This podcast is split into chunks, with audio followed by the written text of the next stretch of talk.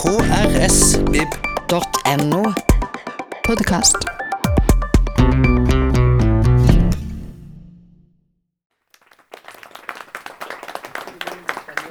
Ja, tusen takk. Er det lyd eh, som passer? Ja. Uh, og velkommen igjen til eh, Litteraturkritikk live. Litteraturkritikken som unngår uh, avisspaltene, men uh, som forleder seg ut i samtale. Eh, nå har vi snakka litt på forhånd, for vi bruker på forhånd å sjekke om vi er veldig uenige, da. Men dessverre så var vi ikke så veldig uenige nå, da. så jeg vet ikke om temperaturen blir så høy, da. Men eh, vi, vi, skal i hvert fall um, prøve å si litt uh, om uh, de to bøkene uh, som vi har valgt å ta opp i dag. Marita Fossum, 'Singularitet', og Per Petterson, 'Menn i min situasjon'. To ganske sånn, eksistensielle eh, romaner, kan vi si, og to vidt forskjellige romaner. Så begynner vi med Marit, eh, Marita Fossum, 'Singularitet'. På coveret her så står det 'Sex og samtale kan kjøpes av voksen dame'. Det er da bilde av eh, annonsen som hovedpersonen i boka eh, setter opp rundt omkring i Oslo for uh, å uh, starte et nytt uh, livsprosjekt. Hun har nemlig et meningsløst liv, har hun funnet ut.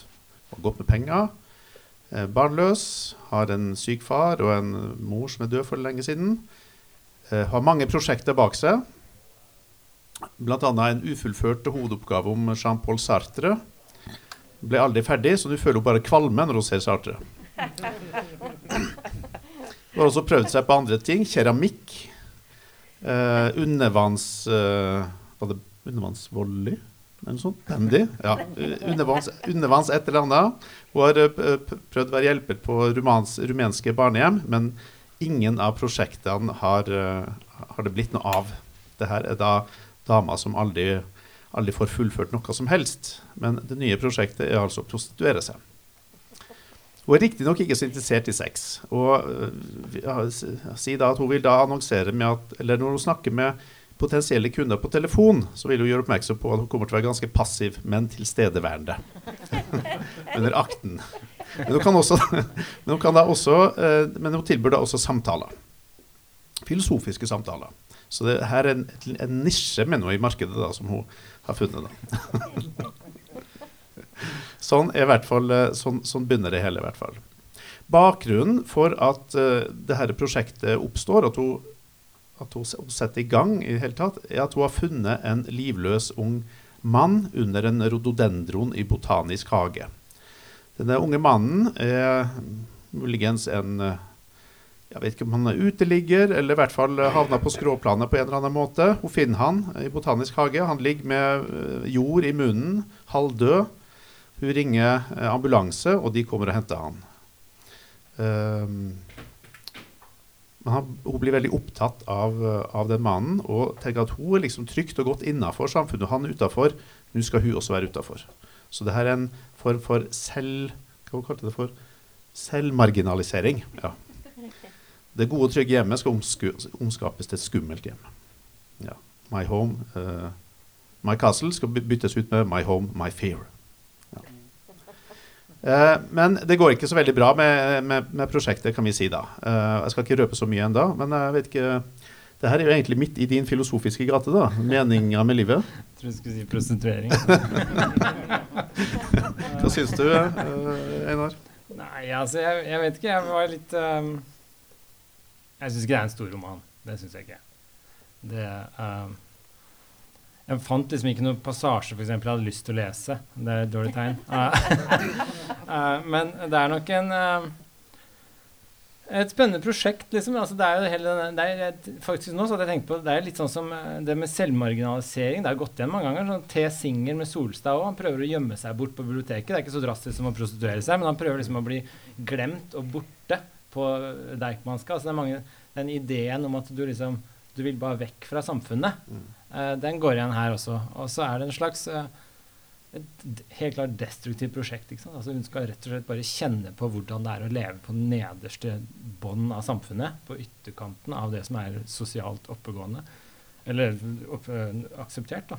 Så det er jo et sånn eksistensielt prosjekt, men jeg, jeg bare liksom jeg, jeg vet ikke helt hva jeg skal si om boka. liksom. Jeg fikk ikke noe ordentlig tak på den. Jeg fikk ikke noe Den traff meg ikke helt, for å være helt ærlig. Uh, og så syns jeg ikke det var noen god fortelling. Det er ikke noe sånn der, Jeg blir ikke noe, får ikke noe sånn veldig sympati med karakteren. Det er ikke noe Så jeg ble litt sånn skuffa, kanskje. Uh, men jeg begynte, så ble den litt kjedelig. Litt morsom av og til, men stort sett litt kjedelig. Og så sånn halvveis uti så skjer det noe veldig drastisk. Mm. Det er liksom det vendepunktet i boka. Uh, jeg vet ikke hva du tenker på en fortelling. Skal vi avsløre hva som skjer? Ja, ja. Kjør på. Nei, så hun, ikke sant? Her er det jo en lapp som er revet av. da. Hun får liksom noen svar på den annonsen sin. To-tre stykker som eh, ringer av. Uh, og så plutselig sånn skjer liksom ikke noe, det er ikke noe handlingsforløp som driver noe særlig. Sånn, så plutselig så kommer det en fyr i leiren hennes, og så voldtar han henne. Det er liksom turning point i boka. Så du blir voldtatt sånn halvveis uti, eh, cirka. Mm. Side 60-70 eller noe sånt. Så det var veldig sånn her Wow, nå skjer det et eller annet. Nå kommer det til å det, Hva skjer nå, liksom? Men etter det så på en måte så skjer ikke sånn veldig mye mer. Hun tar det ikke sånn veldig innover seg heller. Hun blir litt sånn stressa. og sånn, så det blir veldig mye sånn indirekte hva som skjer, egentlig. Eh, så, men hun har jo ikke lykkes i noen prosjekter i sitt liv. Det går igjen. Eh, og det hun lykkes i, er jo på en måte en selvdestruksjon. Altså hele boka. Altså det går med på at hun skal Hun syns det, det kjedelige middelklasselivet hun lever, er meningsløst, og hun vil føle på det å leve litt. Mm. Og så får hun veldig sympati med han der narkomanen i buskene, og så går det egentlig bare nedover i hele boka. Eh, og etter den voldtekten spesielt, så begynner hun å, å ikke ville så mye inn i leiligheten sin igjen. Hun trekker liksom ut, rett og slett, og ender opp å rave gatelangs. Og jeg fant en passasje jeg skulle lese, jeg vet ikke når vi skulle det, men eh, Ja, jeg tenkte liksom eh, avslutningspassasjen, da. Eh, som på en måte Fordi det hun ikke lykkes Alle prosjektene i livet hennes har hun jo ikke lykkes med. Eller ingen prosjekter har hun lykkes med. Men her, altså i helhet, i prosjektet her, da, så lykkes hun jo. Med en selvmarginaliserende, selvdestruktiv eh, strategi her, så lykkes hun. Så, eh, men ja, så jeg kan lese her, så kan dere se. Dette er absolutt siste halve siden av boka. Og da har hun rava litt gatelangs, eh, og så eh, finner hun en narkoman, er det vel, som sitter under eh, bro, var det det? Eller? Ja, han sitter ute i hvert fall. Så sier denne narkomanen da, det er plass til flere her, sier han. Uten å nøle går jeg og setter meg ved siden av ham. Det lukter jord og fuktig ull av klærne hans. Lukten får meg til å tenke på arbeid, hardt arbeid. Da er han på vei til å falle bakover. Nei, da han er på vei til å falle bakover, henter jeg ham tilbake, og langsomt, som om hans kraftrom er fra en annen verden, synker han ned i fanget mitt. Jeg lytter etter pusten hans, ser etter bevegelser i brystkassa, men den rører seg ikke. Da jeg dytter i ham, vipper han overkroppen halvt opp og hiver kort og overfladisk til seg litt luft før han slipper taket og synker igjen. Jeg teller sekunder. Du, sier jeg. Han åpner øynene. Hva sa du? Du puster ikke, sier jeg. Jo, jeg puster, jeg. Han er på nippet til å si noe mer, men så lar han seg synke. Jeg teller. Hvor dypt har han tenkt seg? Leppene hans er blålilla. Du, sier jeg. Han rykker til. Du puster ikke? Jo da, sier han. Byen er unaturlig stille, og stjernene de virker utslått, orker nesten ikke å funkle. Orker nesten ikke funkle. Og så er det slutt. Så ikke sant, hva er det som skjer her? Uh, hun ender jo egentlig opp på gata i rennestein uh, med en narkoman i hånda. Ikke hånda, men i armen. og eh, det er liksom en eksistensiell utslitthet da, som boka ender i.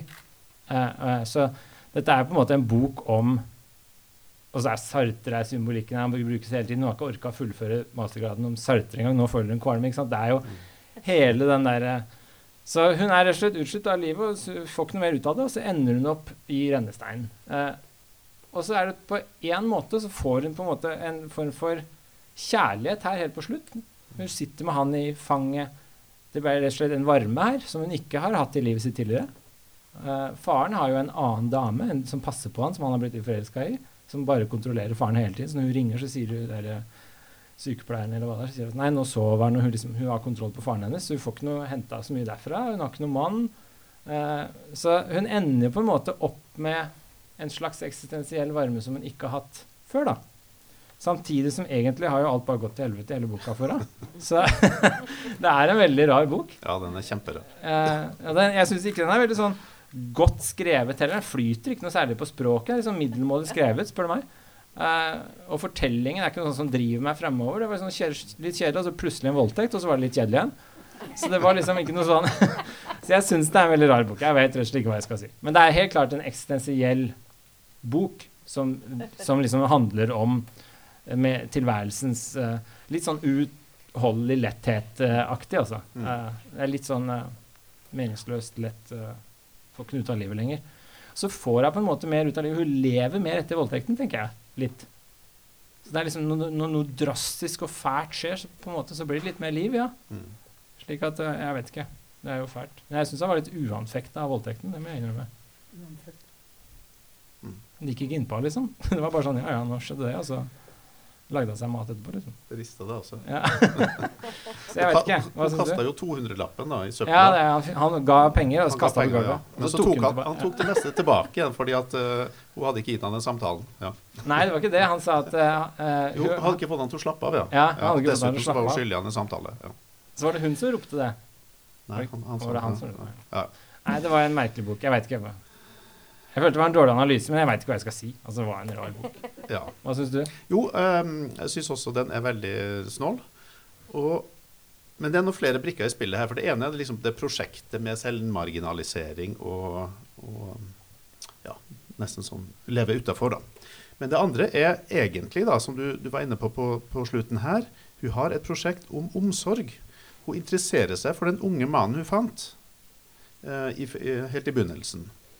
Og på slutten så er hun fremdeles på jakt etter han. Hun må finne han igjen. Hun vet at han kom seg til sykehuset, han overlevde, men han rømte fra sykehuset. Så hun jakter på han for å gi han omsorg. Så egentlig, den sterkeste drivkrafta i hun er et omsorgsprosjekt for han. Så derfor så vender romanen fra det her prostitusjonsprosjektet, som det aldri blir noe av, over mer og mer til et, eh, til et omsorgsprosjekt. Og hun er nærmest besatt av tanke på denne unge mannen, da, som hun får vite, vite heter Svante Halsteinsson. Um, og man kan undre seg litt over hvorfor er så besatt av denne uh, fyren. Og da kommer det et annet moment inn, nemlig forholdet til uh, mor og far. da. Uh, mora er død da hun var åtte år, uh, og den lykkelige barndommen begynte etter det. sier hun. For mora var så uh, sorgfull at uh, sorgen satt som spikra i skjelettet. en av de, de vittige formuleringene. Um, og hun har da idealisert faren, som tok henne vekk fra den der sorgfulle familien um, til mora. Så han har blitt idealisert. Men nå er han i ferd med å, å, å, å glippe også. For nå er det da Han begynner å bli gammel, han er syk. Så rett, og det som, første som skjer etter voldtekten, det er at hun får melding om at faren eh, har fått et slag, et drypp. Så derfor så setter hun seg på toget for å dra opp til faren. Og hun innser at hun klarer ikke å ta seg av den faren. Det er da denne hjelpepleieren, eh, venninna, som tar seg av han. Hun klarer ikke å være omsorgsperson for denne mannen som hun har idealisert hele tida. Så derfor så mener jeg at hun kanaliserer sin eh, omsorg over på den unge mannen. At det dreier seg om det. Men samtidig, da, så tror jeg at denne unge mannen egentlig også er en sånn identifikasjonsfigur for hun sjøl. Fordi at når han, hun finner hun, så ligger han nesten uten klær, og han er svensk. Og mora er svensk. Og det, der, det nakne det går jo på det der med prostitusjon og salg av kroppen igjen. Så på en eller annen måte så tror jeg at denne besettelsen for den unge mannen har å gjøre med en kanalisert sånn omsorg for faren, men også med en sånn kanalisert omsorg for seg sjøl. Hun identifiserer seg med han. Hun vil bli utafor hun også. Du finner seg sjøl på slutten, egentlig, på gata. Ja, og eh, til slutt, da, når hun finner da den andre unge mannen, som hun da håper på er Svante, men som ikke er det, så tar hun seg av han på en veldig moderlig måte. Helt annerledes enn i begynnelsen, da hun bare ringe til ambulansen. Så det skjer en eller annen utvikling med hun. Hun kan gå ned i rennesteinen og virkelig vise varme. Det er den, eh, Er prostitusjonen også en form for slags eh, utvidet om, omsorg? ja, for hun er det nok det. For at hun vil liksom hun vil ha, Det med samtalen, blir det viktigste for hun, ja. Eh, Så det, med sexen skal hun bare finne seg i, så kan han liksom ha samtaler med dem. da. Blant annet om tilværelsens utholdelige letthet. da. Det er en av de temaene vi har pønska ut for samtale. da. Og så en av de fyra som ringer, da. Han er jo trebarnsfar fra Kjelsås. Og jeg har tre unger og bor på Kjelsås. Så, så jeg, når jeg leste det, var det liksom OK. Det Litt gjenkjennelse. men, men det er også en tredje person, da. En tredje forhold som dukker opp i boka. Det er nemlig naboen. Naboen er på selvmordets rand fordi at uh, verden har gått i grus for han etter at han mista mora si. Og igjen så blir det en voldsom uh, oppmerksomhet fra hun, altså han, så hun er- interesserer seg veldig for den naboen som har mista mora si. Og det har jo hun også sjøl gjort en gang. Så hun uh, hører at han går på loftet, og hun følger etter. Og der sitter han da faktisk med pistolen klar til å skyte seg. Så eh, oppe på loftet der da så utspiller det seg en veldig merkelig scene, en samtale mellom eh, de to. Og da er vi sånn helt sånn eksistensielt sånn på sånn Camus-tematikk, liksom. Skal jeg leve eller ikke? Så jeg tenkte å lese litt akkurat fra den scenen på loftet der nå.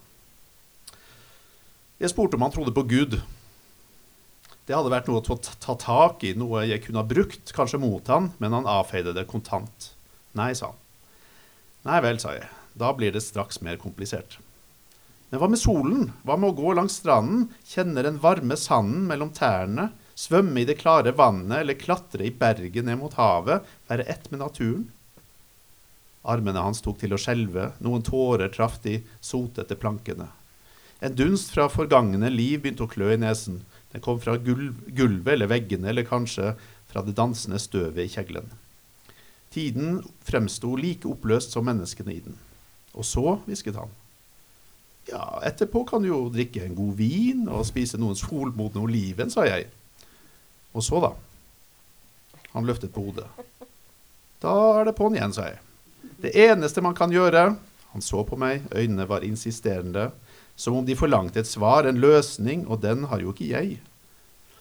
Det er å gjøre det beste ut av situasjonen man er i, sa jeg. Du får det til å høres så enkelt, sa han. Det var ikke meningen, sa jeg. Livet er jo absurd. Men hvis man innser det, at livet i grunnleggende forstand er usikkert, at våre forventninger og livet slik det er, sjelden vil sammenfalle, kan man jo godt, like godt nyte det. Hva er alternativet? Han satte pistolmunningen i pannen. det virket litt kunstig. Jeg er vant til tinningen eller munnen fra bøker og filmer. Før du gjør det, sa jeg, vil du skal vite at dette kommer til å se dårlig ut for meg. Jeg fortalte om gutten i rododendronen, og sa like så godt at han var død. Og at det ville være svært mistenkelig at jeg fant to døde menn med så få dagers mellomrom. Jeg kan bli mistenkt for å være en slags seriemorder, sa jeg. Og med mitt rulleblad Jeg har blitt anmeldt for frihetsberøvelse. Urettmessig, selvsagt. For det var frivillig og i beste mening. Men jeg hadde ingen sjanse. To politibetjenter vitnet falskt mot meg. Og hvis dette, altså du, blir en sak, ligger jeg tynt an. Til slutt la jeg til at jeg ikke stoler på rettssystemet. Og at det ville være dråpen som får begeret til å flyte over for min gamle far. Han ville vandre inn i de evige jaktmarker, for han er nedpåsett fra før. Han tåler ikke eh, å sitte i solen engang, sa jeg. Naboen fjernet pistolen fra pannen. Det ble et rundt merke etter den i huden. Tror du alt dreier seg om deg? spurte han. Ja, sa jeg. Men jeg innrømmer det aldri. Han skjøv pistolen over, eh, bortover gulvet. Det ble liggende under det andre skråtaket. Det skal jeg også begynne å si, sa han. Vær så god, sa jeg. Det kan virke ganske avvæpnende. det syns jeg er en ganske fin, eh, fin scene. Eh, religion? Nei, det går ikke. Eh, tror ikke på Gud. Ja, men hva med li livets gleder, da, med sand og sol og vin? Mm -mm. Kanskje, kanskje ikke.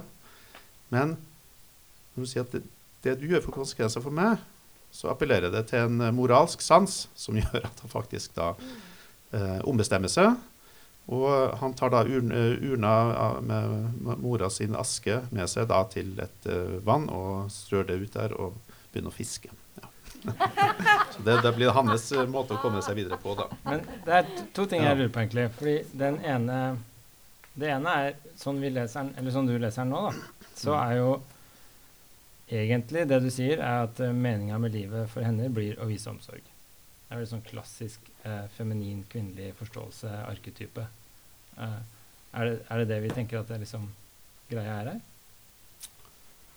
Hun finner ikke noe mening.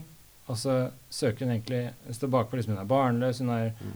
er- har ingen andre omsorgspersoner å vise omsorg for. Og så er hun på jakt etter dette, begynner litt med prostitusjon, tenker at det kan være en måte å vise omsorg for han på Kjelsås på. Mm. Og så ender hun på gata med å holde han narkoman, liksom. Mm. Eh, Ja, det er litt i den retninga, det, det tror jeg faktisk det går her. Ja. det er jo Altså, ja. Men, ja. Men det er noe med, med, med en ekte menneskelig nærhet, i hvert fall. ja, ja, ja. Som eh, Og så det andre er singularitet, begrepet, ikke sant. mm. Eh, for det betyr jo, Dette kommer fra fysikk, og det brukes i teknofilosofi bl.a. Altså det, kommer jo, det betyr egentlig sånn horisont du kommer over som ikke er noe vei tilbake fra. Så singularitet er liksom når du kommer opp f.eks. eh, singularitet i eh, Big Bang er jo når du går bakover i tid med eksplosjonen for universet, så, det, så kommer du til syvende og sist inn til nullpunktet, og så er det bare et, et, et, eh, punkt som det ikke er noen vei bakenfor. Det er ikke, og ikke tilbake heller. Og svarte hull er en singularitet. Hvis du suger noe inn i et svart hull i verdensrommet, så blir, forsvinner den der, så er det ingen vei tilbake. Og i teknofilosofi så betyr det at du eh, datamaskiner blir så intelligente at de blir mye mer intelligente enn oss, så vi har ikke noen sjanse til å ta det igjen. Mm. Så det er den der på en måte når du tar noe av, da, eksponentielt, og så bare boom, så blir det borte, og så kommer du ikke ned igjen. Det er det singularitetsbegrepet okay. er, da. Mm. Og boka heter jo det. Mm.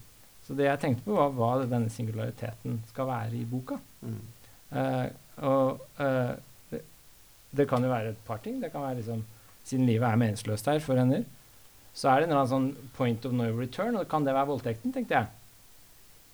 Mm. For etter det så sa du tidligere i dag når vi tok en kaffe, så sa du også at hun virka nesten litt sånn at hun ble gal. På grensen til Eh, galskap, ja. Hun begynte å vandre gatelangs i boka, så går hun gatelangs, så Mm. litt sånn uklart hva som er sant og ikke, og illusjon og ikke, og hun ser folk som ikke er der, og det tar helt av litt til slutt. Um, så singulariteten, hva er det den skal representere i boka? Det må jo være en grunn til at hun har kalt boka Mm. singularitet. Uh, the point of no return, det er det som er begrepet. Mm. Så jeg vet ikke helt hva det skulle være. Mm. Men jeg tenkte kanskje voldtekten, da. Mm. Og etter det så blir jo ikke ting helt det samme her. Det er kanskje dobbelthet i slutten her. Den er kanskje ikke så enkel på sånn omsorgspositiv eller sånn happy, for hun blir jo også mer og mer sprø.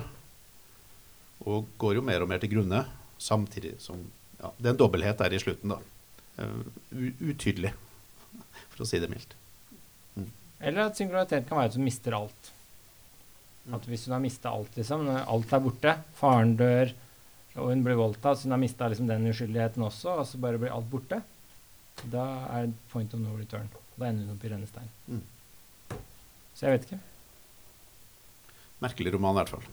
Ja. du får gå hjem og lese. den. Les den. Ja. Men den, jo, det er én ting jeg må si. Den skifter karakter, altså. For den begynner liksom med det derre prosjektet, prostitusjonsprosjektet. Men en ting er at hun ikke klarer å fullføre det, men jeg vet ikke om romanen heller klarer å fullføre det. Hvordan skulle romanen sett ut hvis vi fikk fortsettelse på den historien? Skulle det skulle blitt det ene kleine kunden etter den andre, og så skulle til slutt funnet ut at det her var ikke noe god idé likevel? Jeg tror ikke at det, den romanen lar seg skrive så godt. Og derfor forfatteren har vært nødt til å pense inn på et annet spor. Og det er derfor den skifter sånn karakter. Den begynner liksom med, med, med vidd og humor, og så blir den ganske snål etter hvert. Jeg tror forfatteren har fått det problemet. Etter den gode ideen liksom, med det prosjektet. Så hvor, hvor skal det her liksom ende? Ja. Men det hadde blitt en helt annen roman da, hvis, de, begynte å, hvis de plutselig begynte å prostituere seg. Ja, ja. Jeg satt egentlig og mistenkte at noen aldri kom til å gjøre det. Mm. Uh, det ble for ekstremt, egentlig. Uh, men uh, hvis hun plutselig hadde begynt å få kunder, så hadde det blitt noe helt Nei, annet. ja. Med en helt annen roman. Men det er jo viktig, jeg tror kanskje ikke kom fram, men det er han som ender opp med å bare komme og banke på og slå seg inn døra og voldta, han er jo en av kundene hennes. Mm. Så det er jo fordi hun har hengt opp lapper rundt i Oslo og sagt sex og samtale ønskes eller selges. Så det er jo på en måte, hvis hun leker med ilden, så blir hun brent, liksom. Mm. Det er litt det som skjer i boka. At hun leker med liksom grunnvilkåra, og så går det gærent. Ja. Mm. OK, skal vi uh, gi oss med den? Andre bok, eh, Per Petterson, 'Men i min situasjon'. Har fått eh, veldig mye omtale, veldig mye skryt eh, av anmelderne. Det er en handler om en fyr som heter Arvid Jansen. En person som vi har møtt i andre bøker av Per Petterson, og som har mange likheter med forfatteren sjøl også. En av likhetene er at Per Petterson mista jo da far, mor To søsken. to, en eller to søsken og niese i Scandinavian Star-ulykka i 1991. Og det har hovedpersonen her også gjort. Nå vet jeg ikke om, om den skilsmissehistorie her også eh, har noe likheter med Hannes liv, men det er i alle fall en uh, skilsmisseroman som handler om, eh, på i grunnen også sånn traust, sosialrealistisk vis, de vanskelige følelsene for en eh, mann på 38 år som blir forlatt av kona, eh, som nesten ikke får ha kontakt med barna sine, og som kjører i sin gamle Masta rundt og rundt på Østlandet for å holde det her ut. eh, Når han ikke er på byen og drikker seg full og blir med dame hjem, eller lar seg forføre.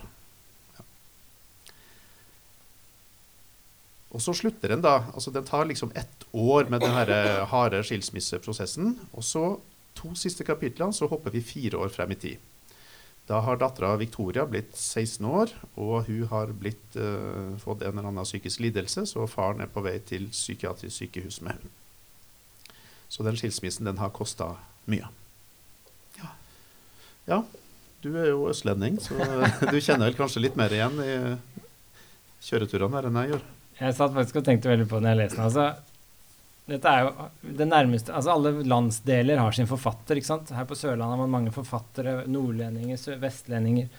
Østlandet har ingen ordentlig sånn forfatter som beskriver Østlandet. Det nærmeste vi kommer, er Per Petterson. Uh, og han Levi Henriksen, kanskje, men han er inne på Finnskogen og Kongsvinger-trakten og sånn, så han er liksom ikke så Østlandet som han er i Hedmarken. Um, så det er en del Hans Børli, kanskje, men han er også langt inne i skogen der. og Dikter. Så det, jeg har tenkt mye på det. Det er han her som er nærmeste. Uh, Lars Aabye Christensen, veldig sånn indre Oslo vest, så han appellerer ikke til Østlandet generelt. Han er veldig sånn Majorstua-appellerer. Røe Jacobsen er Groruddalen. Veldig sånn lokal lomme også, ikke appellerer utover Oslo, liksom. Så Østlandet, altså østkommunene øst for Oslo sentrum, veldig lite beskrevet i kunsten. Per Petterson kommer veldig nærme. Og det er som du sa, veldig mange eh, eh, sånne ting som skjer her, som er han, liksom, egentlig. Han bor jo i Aurskog-Høland i dag. Han kjører ut for å redde ekskona si ute i Aurskog-Høland her. Eh, han kjører rundt i Lillestrøm, Lørenskog. Han dropper alle disse navnene som jeg på en måte har vokst opp i. da. Så dette er veldig sånn Alle stedene her har jeg vært på veldig mange ganger. Så jeg kjente igjen alt han beskriver her, på en helt annen måte enn det du gjorde. da. For Du sa det bare var navn til deg. Mm. Men for meg så er hver eneste navn er store assosiasjoner. Så jeg hadde veldig store forhåpninger hver gang jeg åpnet bøker av Per Petterson. Egentlig. Jeg likte den ute og stjele hester veldig godt. Men jeg har ikke likt dette andre så godt. Sånn Jeg nekter likte jeg ikke så godt. Uh, Forbanner Tins elv likte jeg ikke så godt. uh, men hva med den her, da? Uh, så så igjen, jeg syns Vi skal snakke litt om den, men jeg syns Ganske irriterende, han der Arvid. Jeg syns han er ganske sånn patetisk figur. Han er veldig sånn, sånn tafatt. Det er ikke noe taken. Han bare lar ting skje med seg hele tiden.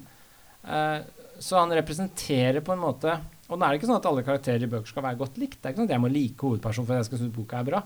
Uh, tvert imot ofte. Men han har irritert meg veldig. Uh, og han representerer på en måte verste i meg, egentlig, for å være helt ærlig. Og jeg tror i mange av oss.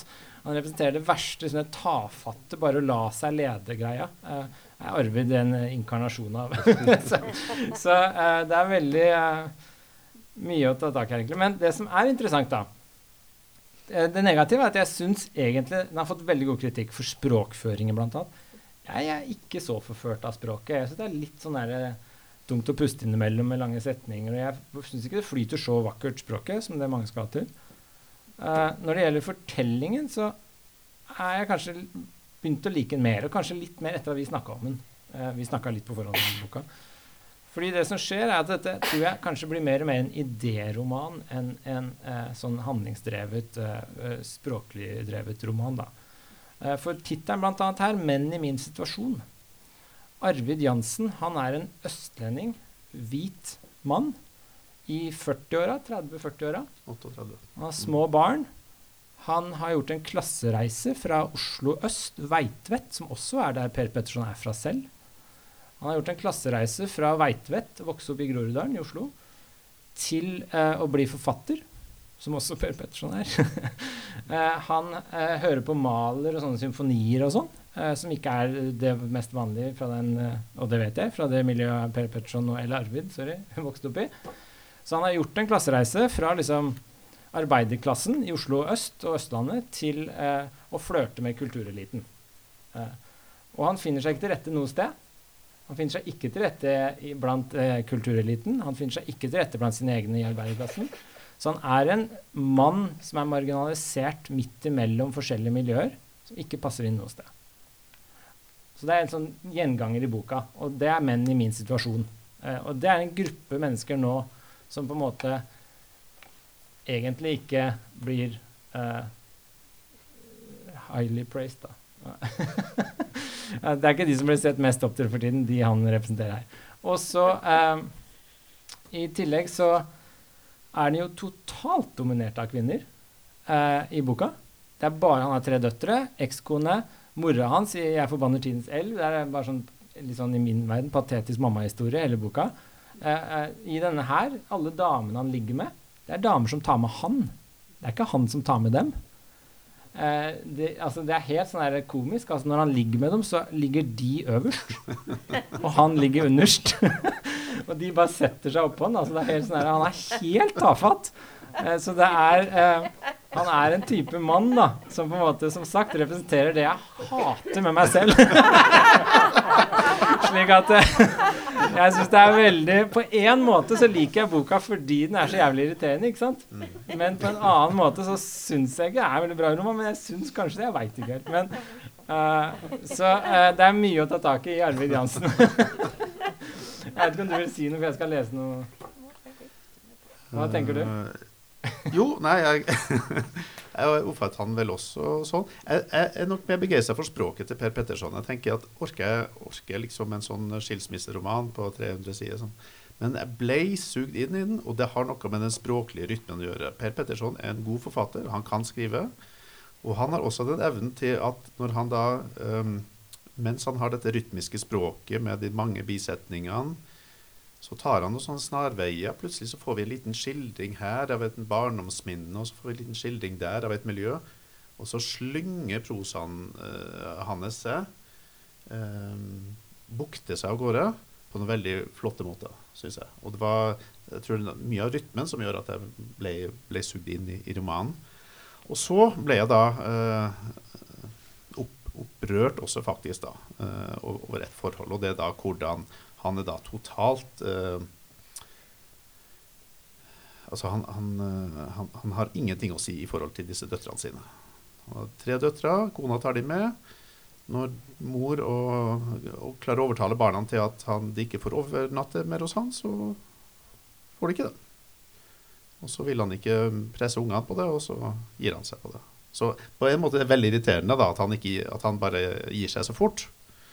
Han tar fatt, da. Men det er også noe med hennes makt som er litt sånn opprørende. Og da kommer det et litt sånn avsnitt der han henter ungene uten å ha sagt fra hos barnevakta, og de vil til han, og han kan smelle døra igjen i, i trynet på barnevakta, som ikke vil slippe ungene.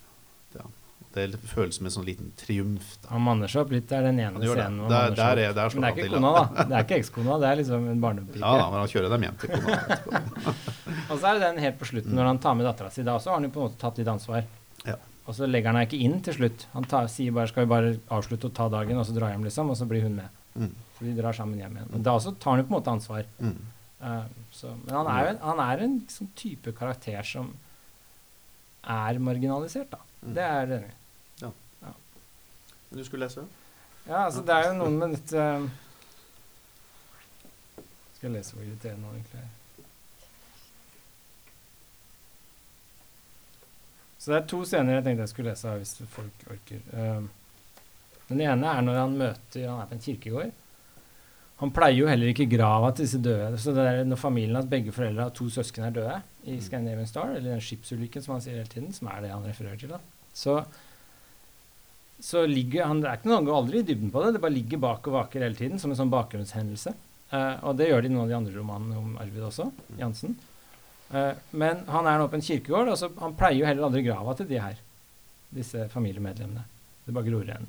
Uh, og han føler egentlig ikke så mye på det heller, at han burde gjøre det. Eller. Han er litt sånn litt tafatt. Han er alltid litt sånn Han klarer ikke å liksom uttrykke noe, da. Han har ikke noe evne til å liksom uttrykke noe følelse av sine egne følelser, eller hvordan han har det. Eller. Det er ganske sånn platt, egentlig. hele ok, men her er i hvert fall en, en scene fra en kirkegården, da. Jeg gikk ut mellom eh, alle de glatte steinene mot gangveien og passerte den ferske grava. Dette er en annen grav, det er ikke hans familie. Det var en mann, han ble 35 år. Det måtte ha vært ei ulykke som kanskje til og med hadde skjedd mens de to var sammen. Hun der på gangveien og han, og bare hun overlevde. Hun ble fortsatt stående. Da vi var på høyda, stoppa jeg. Det så kanskje litt dramatisk ut med de møkkete bukseknærne, og det føltes genant. Jeg vet ikke hva det betyr egentlig. Genant? Hva er det for noe? Sjenerende. Genant? Ok. Aldri hørt det. Eh, at hun hadde sett meg på kne foran gravsteinen, men gjort var gjort. Hei, sa jeg. Hei, sa hun. Dette var en dame som da kommer helt tilfeldig. ut av det blå egentlig. Du er Arvid Jansen, sa hun. Ja, sa jeg. Det er meg, det. Jeg har lest bøkene dine, sa hun. Jeg liker dem. Men hvorfor er de så triste? Jeg veit ikke, sa jeg. De bare blir sånn. Det er ikke noe jeg styrer, egentlig. Det var merkelig, sa hun. Ja, sa jeg. Det er litt merkelig. Og så nikka hun ut mot gravene, mot hennes og mot min. Er det etter skipet som brant? Hun sa navnet på skipet. Og han navngir aldri skipet i noen av bøkene. Han bare snakker om skipet. Eh, det ble litt vanskelig å høre navnet sagt. Ikke sant? Det er veldig sånn Dette er jo egentlig han, da. Eh, ja, sa jeg. Det var forferdelig, sa hun. Ja, sa jeg. Er det derfor bøkene dine er så triste? Det er jeg ikke så sikker på, sa jeg. Det begynte nok før det. Det er jo ikke så lenge siden båten brant. Et par år bare. Litt mer. Det er sant, sa hun. Det tenkte jeg ikke på. Og jeg snudde meg og så den samme veien som hun gjorde, over gravsteinen bort langs rekka. Er det mannen din, sa jeg. Nei, det er en bekjent. Var en bekjent, sa hun. Jeg fikk lyst til å stille henne et oppfølgingsspørsmål. Bekjent på hvilken måte, f.eks., men det gjorde jeg ikke. Så vi ble stående. Ansiktet hennes hadde en ro jeg aldri hadde vært i nærheten av, så vi slo følge opp bakken, sa jeg. Skal vi slå følge opp bakken, sa jeg. Det ville vært hyggelig, sa hun. Vi gikk skulder ved skulder bort gangveien i den kalde trekken og forbi alle rekkene mot alle de døde på begge sider og videre oppover forbi Boot Hill, der urnene med aske sto planta bastant i jorda. Og så opp mot kapellet og parkeringsplassen på toppen. For et sted å plassere en gravlund, sa hun. Du blir nesten lei deg av det. Ja, sa jeg, det er nettopp det. Jeg har ikke vært der én gang siden begravelsen, før nå. Det ble helt dødt i kroppen, jeg får ikke fram en følelse. Men, sa hun, du satt på kne foran gravsteinen. Det står veldig sterkt ut for meg, i hvert fall. Jeg greide ikke gå. Det var bare noe jeg gjorde, sa jeg. Det var et eksperiment. Å, sa hun, det var et vellykka eksperiment, da. Nei, sa jeg. Jeg følte ingenting. Det var rart, sa hun, at du ikke følte noe. Ja, sa jeg. Jeg skulle ønske jeg hadde følt noe, men sånn er det. Jeg følte ingenting. Jeg følte meg bare rar. Litt dum, egentlig. Hun svarte ikke, og jeg tenkte hvorfor forteller jeg henne noe så privat? Hvorfor skal hun vite det? Det var kanskje roen hun hadde. Jeg er i så fall veldig leit, sa hun. Ja, sa jeg, det er kanskje det. Jeg skulle ønske det ikke var sånn. Hvordan er det med deg, da, sa jeg. Føler du noe? Jeg gjør jo det, sa hun, det må jeg si. Og hun stoppa på gangveien og rakte meg hånda. Helene, sa hun, og hun sa etternavnet. Jeg tok henne i hånda. Arvid Jansen, sa jeg. Det vet jeg, sa hun. Ja visst, sa jeg. Det gjør du jo. Hun smilte, vi begynte å gå igjen. Er det lov å spørre om du skriver på noe nå, sa hun. Jeg tenkte, hvorfor skal hun vite noe om det? Vanligvis svarte jeg bare kanskje, kanskje ikke, det vil tida vise, eller noe langs de linjene. Men nå sa jeg jo, jeg har begynt på en ny bok, en roman, en kjærlighetsroman. En kjærlighetsroman, sa hun, det høres fint ut, men ender den like trist som de andre bøkene dine? Det skal du ikke se bort fra, sa jeg. Hvordan skulle du kunne slutte annerledes? Jeg kjenner jo ikke til noe annet. Det var det ikke lett å kommentere. Hva skulle hun ha sagt? Det var uansett bare noe jeg fant på. Det var en helt annen roman jeg holdt på med. og så, Hva er det som skjer her, liksom? Det er jo en mann som går rundt på kirkegården til sine, fire av sine døde medlemmer, og så liksom, Egentlig så får han ikke ut noe, han føler ikke noe, han har ikke noe Han klarer ikke å liksom slippe seg ut, da og han sitter på kne foran grava. Kanskje han vil slippe seg løs ikke sant? og hulke og skrike sånn som på film. og sånn, for han ofte, Flere ganger refererer han til en filmer, at han føler seg som i en film. Men han klarer ikke å uttrykke det ekte. Og her også sitter han på kne foran grava. ikke sant? Det ser veldig dramatisk ut på avstand, men så føler han seg bare dum, for han føler ingenting. Og det er liksom hele karakteren. da. Så han går rundt i livet, og så får han egentlig ikke ut fingeren til noe som helst. Han klarer ikke å uttrykke seg heller. Veldig frustrerende karakter, egentlig, spør du meg. Eh, men jeg tror det er veldig mange menn i hans situasjon. Mm. Han beskriver liksom en type mann som jeg tror det fins veldig mange av. Mm. Eller? Jo, jeg tror også det. Men eh, så er det jo da visse ting som han ikke forteller når det gjelder det med å uttrykke seg, og det er jo faktisk eh, hva han skriver. For han sitter og sliter med en roman midt, midt oppi alt det her. Og det er det som er hans terapi. Det er to ting. Det er å kjøre i bil, og det er å skrive roman. Og på i de siste kapitlene, da, etter fire år, så får vi vite at jo, den romanen kom faktisk ut. Og den handler om verkstedet der han jobba. Så det er altså en arbeiderroman. Ikke en kjærlighetsroman. Eller i hvert fall, i hvert fall en arbeiderroman også. Eh, så han har noe på gang som eh, vi ikke får vite om. Så i det sosiale så er han veldig eh, ordfattig. Og klarer kanskje ikke å føle så mye. Men han har en annen verden som han går inn i. eh, som vi ikke får høre så mye om. Men av og til da, så får vi et lite glimt eh, av det, for han leser mye. Han eh, bruker å kjøre til Sverige for å sitte på kafé og lese for seg sjøl. og eh, i det her tenkte jeg skulle lese litt, da. Han nekter å ta med unga dit. Ja, han, ja, Ungene vil være med og se hvor han leser, men det får, han, det får de ikke lov til. Han nekter. Og han snur brått bilen sånn at de havner i grøfta, til og med. Så det, og det, så, det sier litt om hvor vanskelig det er for han å slippe noen inn i det derre aller innerste private rommet som har med lesing og skriving å gjøre. da. Men i det, her er et uh, utsnitt av han sitter på bussen og leser. Og da får vi et lite glimt uh, om uh, hans verden i litteraturen. Jeg løftet, jeg løfta lokket på lærveska og tok opp boka jeg hadde med meg denne dagen. Jeg åpna den og leste de første setningene. Jeg føddest klokken fyra på morgenen den 9. januari 1908 i et rom med hvitlakkerede møbler og fønster ut mot boulevard Raspail. Jeg var 17 år da jeg bar den med meg hjem fra biblioteket, og leverte den aldri tilbake. Det var, noe, det var navnet hennes som fascinerte meg. Ingen jeg noen gang hadde hørt om, hadde et navn som det. Det tok nesten hele bindet før hun traff Sartre. Altså Simone de Beauvoir, selvfølgelig. Mm. Men jeg syntes uh, ikke det gjorde noe. Det var veien dit. Det var henne jeg var interessert i. Og den åpne hånda hun rakte meg. Hun sa, 'Kom du, Arvid Jansen fra Veitveit. Bli med meg til Paris.' Over alle grensene, over tida, La oss gå langs Seinen sammen. Gå bort Ry Jakob sammen. Gå videre til Boulevard Saint-Germain. Du må treffe vennene mine på Café de Flor. Og hun løfta meg ut av gutterommet, ut i Europa, og ga meg en sterk følelse, en berusende følelse av å være i det store livet. Men også en ensom følelse, for jeg visste jeg ikke kunne snakke om det med noen. Og nå satt jeg på mitt vanlige sete bakerst i den røde sporveisbussen 20 år etter, med det første bindet av Simone de Beauvoirs sjølbiografi i svensk oversettelse og åpen foran meg på knærne, og tenkte at det egentlig aldri hadde vært noen jeg kunne snakke om det med, eller om noe som helst annet jeg leste. Men at jeg vente meg til det, og til slutt ikke engang kom på at det kunne være mulig eller i det hele tatt var noen vits. Så det er det hemmelige rommet. Det er litteraturens rom. Det der, eh, kanskje han har det best der.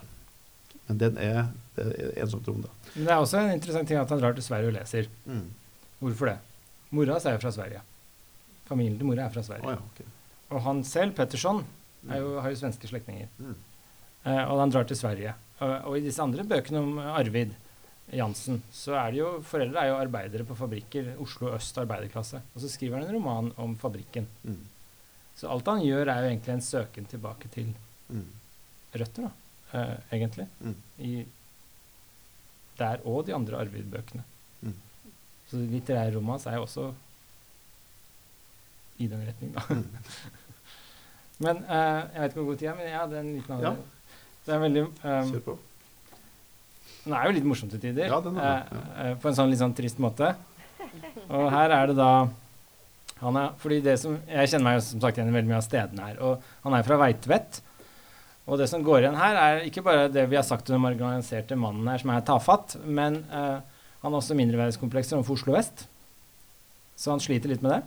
Det går igjen i noen få sånne enkeltting. Uh, og alle på Østlandet og Oslo øst har litt mindreverdighetskompleks overfor Oslo vest og Akershus vest, altså Bærum og Asker. Det er sånn kulturell greie. Eh, Men samtidig så respekterer han ikke disse han møter fra Frogner og Oslo vest. Så han sliter litt med det også. Det går igjen i hele den der arbeiderklassebakgrunnen og klassereisementaliteten hans. Og her er han da i, eh, endt opp hjemme hos ei dame som har plukka opp han. Eh, og så skal de prøve å ha seg da på kvelden, og så får han ikke til. Det funker ikke for han. Han får ikke puste, sier han. Eh, det er ikke hender, da. Han, han får ikke puste, og så ender han opp med bare å legge seg da, og sovne. Og så sovner de, han sovner eh, bak ryggen hennes da, i sånn teskje. Eh, han ligger bak ryggen også. Det er helt tragisk. Og så, og så sier han her, da, så våkner han opp her, så sier han da jeg våkna, sov hun fortsatt. Jeg visste straks hvor jeg var. Jeg hadde sovna som på et persisk teppe, svevende oppunder taket, dypt inne i en leiegård jeg var sikker på befant seg i Nordahl Bruns gate i sentrum av Oslo by. Jeg fløyt der oppe tett inntil en fremmed kropp som sjøl ikke var fremmed i denne senga. To meter eller mer over gulvet med en bratt stige ned og ei utspretta pakke blackjack, den sorte kondom, ved hodegjerdet. Og så våkna hun, og jeg kjente mot magen at hun stivna brått. Holdt pusten og ble mjuk igjen. Og jeg lurte på om hun visste hvem det var som lå naken inntil ryggen hennes. Om hun kunne huske det, og da sa hun hei uten å snu seg, og jeg sa hei. Jeg vet ikke hva du heter, sa hun, og jeg tenkte hun sier vet, ikke veit, som jeg gjør.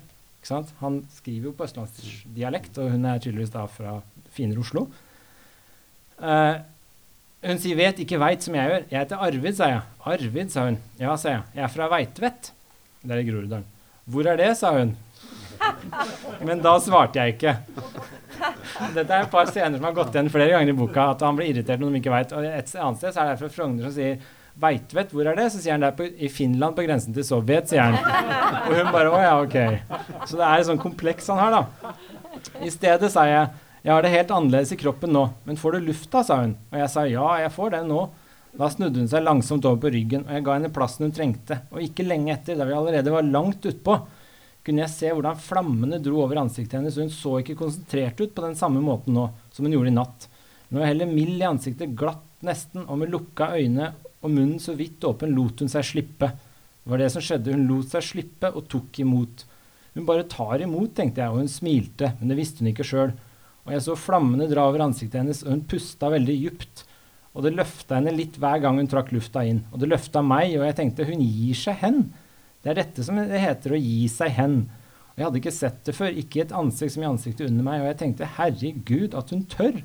Og det imponerte meg og berørte meg og gjorde meg glad og det gjorde meg stolt, fordi det var meg hun tok imot, og jeg ble lei meg også, for aldri noen gang ville jeg kunne gjøre det samme. Kunne gi meg hen og ta imot med et ansikt som det. Det var ikke mulig for en mann i min situasjon. Det er ganske triste greier, da. Mm. Og så er det Kan jeg få bare en til? Ja, fordi det er, eh, slutten er egentlig det beste. Så før jeg gikk, f- eh, hadde hun funnet fram ølbrikett fra Frydenlund bryggerier, og den brakk hun i to og skrev telefonnummeret sitt på baksida av den ene biten. Og så skulle jeg skrive midt på den andre, og det gjorde jeg, og så bytta vi bit. Og i uken etter ringte hun noen ganger, men det var ikke mulig for meg å ta telefonen og svare henne. Eller jeg måtte jo ta den hvis jeg ikke var på kant, hvis ikke var jeg på kant med loven, men jeg ga henne ikke noe svar, og da ringte jo heller ikke jeg til henne. Eh, Jeg visste ikke hva jeg skulle si. Da jeg gikk fra hybelen hennes den morgenen, var jeg nesten sikker det var henne. Men etter noen dager ble jeg i tvil, og så ble jeg sikker igjen, og det var ikke henne. Jeg skulle ønske det var, men det var det ikke. Og så holdt hun opp. Det føltes som en stor lettelse, ikke bare for min egen del, men også for hennes, var det jeg innbilte meg, så hun ikke var nødt til å skulle be. Det er ikke bra for noen å måtte be om kjærlighet og ikke få den. Men så ringte hun en siste gang, og hun sa jeg ringer ikke for å be deg om noe, jeg har forstått. Det er som det er, og du er som du er. Det er ikke mye jeg kan gjøre med det.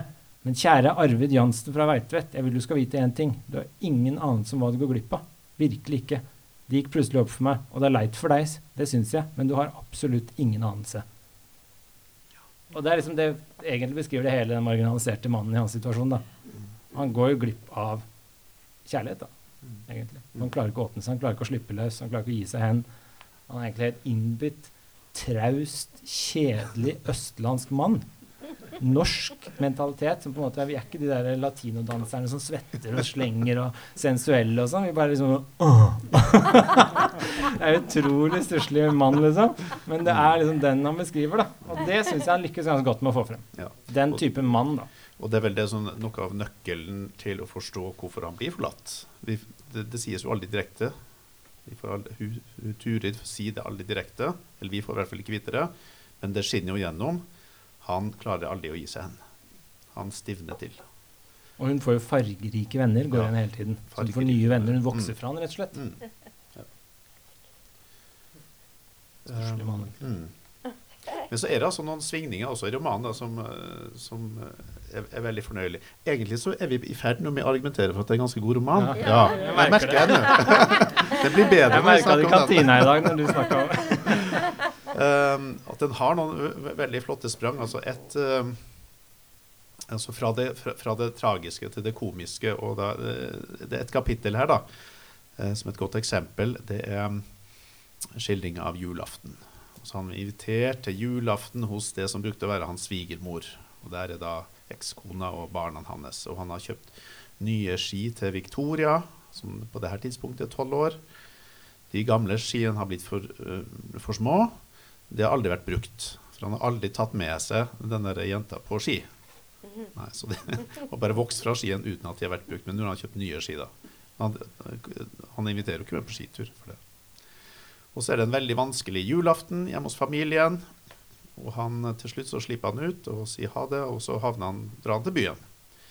Så går han på pub, og så drikker han. Og så på vei hjem så, treffer han, eh, så kommer han forbi et par som skal inn i en drosje. Det vil si, dama vil inn i en drosje, men mannen vil ikke inn i en drosje. Så dama roper 'Hei, du forfatteren, kan ikke du komme og hjelpe meg å få han inn i drosjen?' Og det ender da med at, med at han begynner å slåss med denne mannen, da. som nekter å, å dra inn i, inn, inn i drosjen.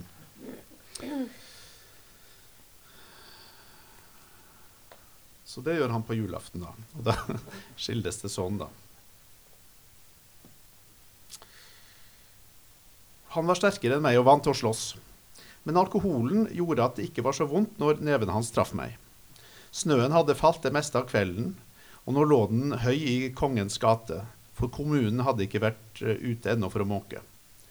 Det snødde fortsatt, klokka var snart ett, og han ville absolutt ikke inn i den drosja. Og vi holdt det gående, og etter hvert glemte vi hva det var vi sloss om, der vi kava i snøen. Eh, vi bare fortsatte uten mål og mening, og drosja forsvant. Og en ny drosje var kommet og hadde dratt igjen for lenge siden uten at vi la merke til det. Og kona hans hadde også dratt. Vi stoppa og så oss omkring, og det var helt tomt i gata. Vi reiste oss. Det gjorde vondt i hele kroppen, i brystet, i siden under ribbeina, i ansiktet, ved det høyre øyet. Jeg tørka meg under nesa og fikk blod på hånda. Det måtte være fra det første slaget jeg fikk. Og synet av blodet gjorde meg merkelig rolig. Det føltes som en logisk avslutning på kvelden. Vi pusta tungt begge to, ganske høylytt i den stille gata. Til slutt sa jeg OK, det var vel det, da. Og han sa det håper jeg. Det var jo ikke de skyld, sa han. Hva da, sa jeg. Det husker jeg ikke akkurat. Men det var helt sikkert, sikkert ikke de skyld. Nei, jeg tror ikke det, sa jeg. Jeg skulle egentlig bare hjem. Og vi ble stående med armene hengende tungt rett ned langs sidene, håndflatene åpne. Han var flau, og jeg var flau. Vi smilte flaut til hverandre og sa ja ja, god jul, da. Beklager det som skjedde. Og så dro vi hver til vårt, mot hver vår drosjeholdeplass, og ned mot sentralstasjonen. Han den motsatte veien, opp mot Egertorget der drosjene sto på rekke bak Stortinget. Han haltende, jeg haltende. Og det er jo flott litteratur, da. Når det kan svinge så fra det tragiske til det absurd komiske. Så uh, han er en eh, luring, han uh, Per uh, Petterson. Ja. Det er mye, mye, å snakke om i denne boka her. Det er noen sånne ting som går igjen også i den 'Utestjålne hester', som er hans mest, selv, mest populære bok. da, internasjonal gjennombruddet, så er det en frase som går igjen et par ganger, som heter hvor han sier 'du bestemmer sjøl når du skal gjøre vondt'. Sier han flere ganger i den boka. Og det sier han også plutselig i den boka her. Du bestemmer sjøl når du skal gjøre vondt.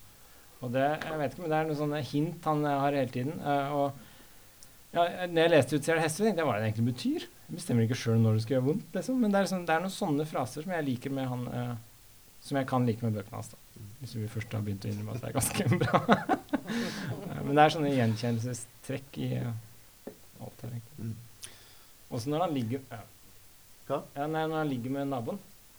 Han har veldig godt forhold til nabodama. Ja, hun er jo veldig sånn omsorg for ham. Mm. Han sitter i trappa og røyker, og alt, han er liksom tafatt fyr. da, og Hun liksom klapper han på skulderen, og hun dropper å gå på en fest for å være sammen med han når han er ensom og deppa. Og så, Jeg har alltid så alltid for meg henne som en litt sånn eldre dame. Ja. Og så plutselig så ligger han med og så viser det seg at hun er yngre enn eh, Men da kan jeg bare kort det han sier, for det er veldig morsomt, faktisk. Da sier han plutselig Etter at de har ligget sammen, da, så er naboen inne hos den, og så sier han eh, Du er en fin gutt, Arvid Jensen.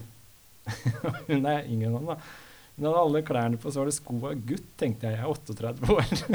hun er helt sikkert yngre enn det. Jeg visste ikke hvor gammel hun var. Hun bøyde seg og kyssa meg på skuldra. Jeg tenkte hun syns egentlig ikke jeg er helt voksen, det er det. Og så sa hun det får jo bli med den ene gangen. Ellers vil vi bare gå og vente på hverandre og bli lei oss. Og jeg sa det hadde hun nok rett i. Jeg tror vi stopper der, sa jeg. Og jeg bør ble løfta av skuldra mine, men det var hun som løfta den. Eller jeg løfta den ikke sjøl. Og jeg tenkte jeg er aldri i forkant. Hvorfor er jeg aldri det? Er det en veikhet jeg har? Det må det være. så, så han er liksom den lille guttungen som aldri ja, Jeg var mer av det samme, egentlig. OK. Tusen takk for nå. Veldig hyggelig at dere kom.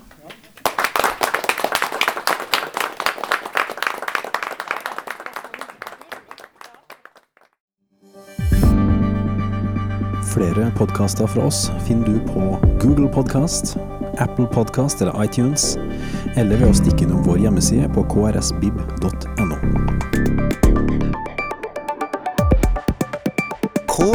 krsbib.no. Podkast.